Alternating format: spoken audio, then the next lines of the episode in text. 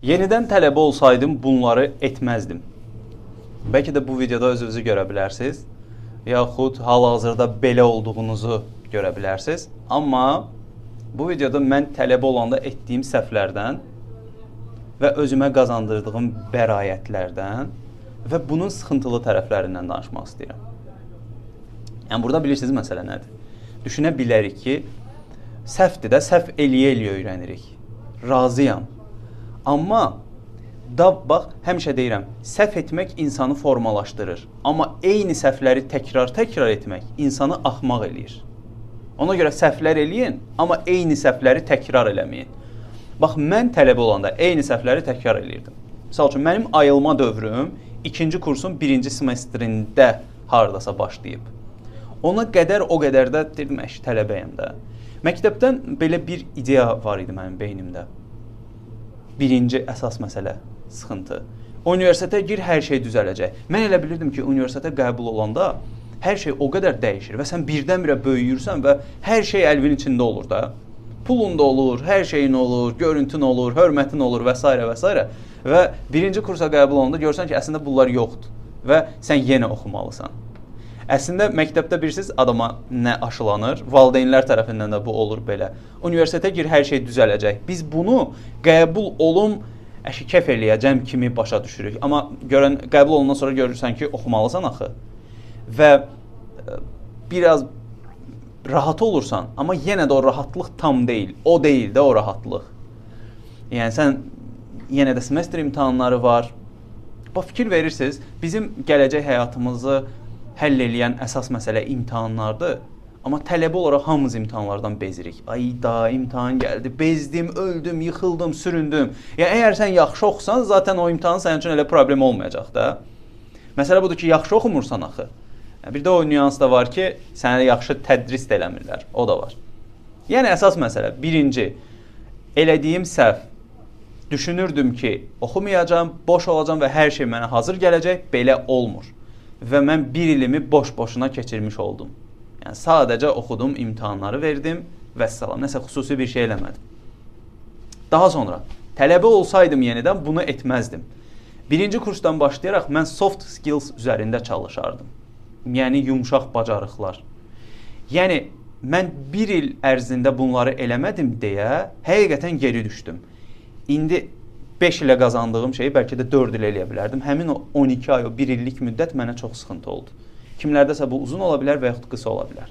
Soft skills, yumşaq bacarıqlar, özüvi ifadə, təqdimat bacarığı, yaradıcı düşüncə, inandırma bacarığı, insanlarla ünsiyyət, sosial əlaqənin qurulması və s. və s. kimi şeylər, sosial fəaliyyət bu insan həyatı üçün inanılmaz bir şeydir. Çünki 21-ci əsrin tələbi soft skills üzərində qurulub. Siz hər hansı bir məlumatı əzbər bilə bilərsiniz, amma hardasa iş tapmaya da bilərsiniz. Sizin yumşaq bacarıqlarınız olmalıdır ki, bunu təkmilləşdirib özünüzü istədiyiniz səviyyəyə çatdıra biləsiniz. Çox önəmli məsələdir. Bunun üzərində işləmək. Üçüncü ən çox elədiyim səhv yenə də bu da sosial mühitlə bağlıdır. Əlaqələrin qurulması, networking deyirlər, şəbəkələşmə, çoxlu insan tanıma. Məndə bu problem var idi. Mən yanımdasansa, yanındasan, yoxsansa da cəhənnəm ol, get. Hamını qırmağa, belə rədd eləməyə meylli bir quruluşum var idi.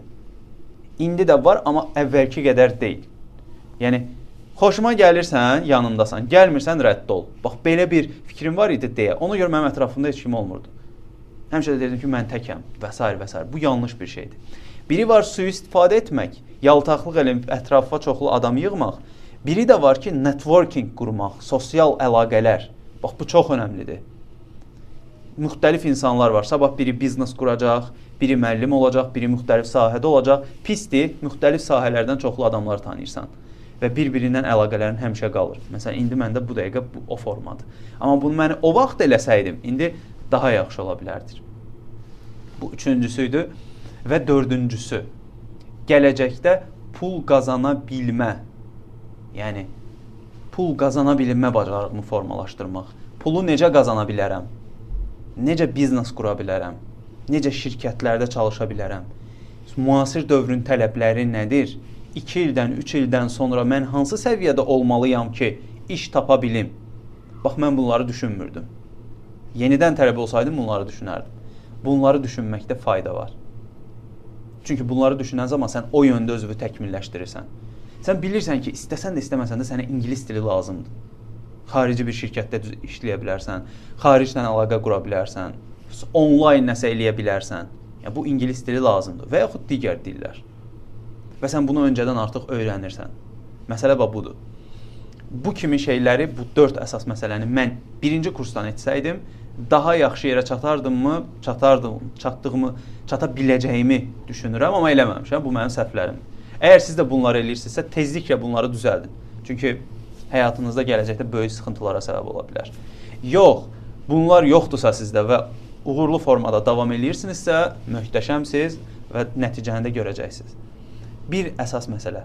Nəticə əldə etmək üçün özünüzü formalaşdırdığınız müddətdə gələcəkdə nələr ola bilər? Bax, bunları mütləq araşdırın, özünüzü formalaşdırın ki, gələcəyə hazır ola biləsiniz.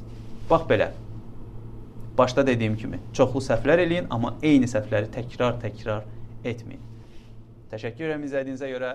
Görüşərik.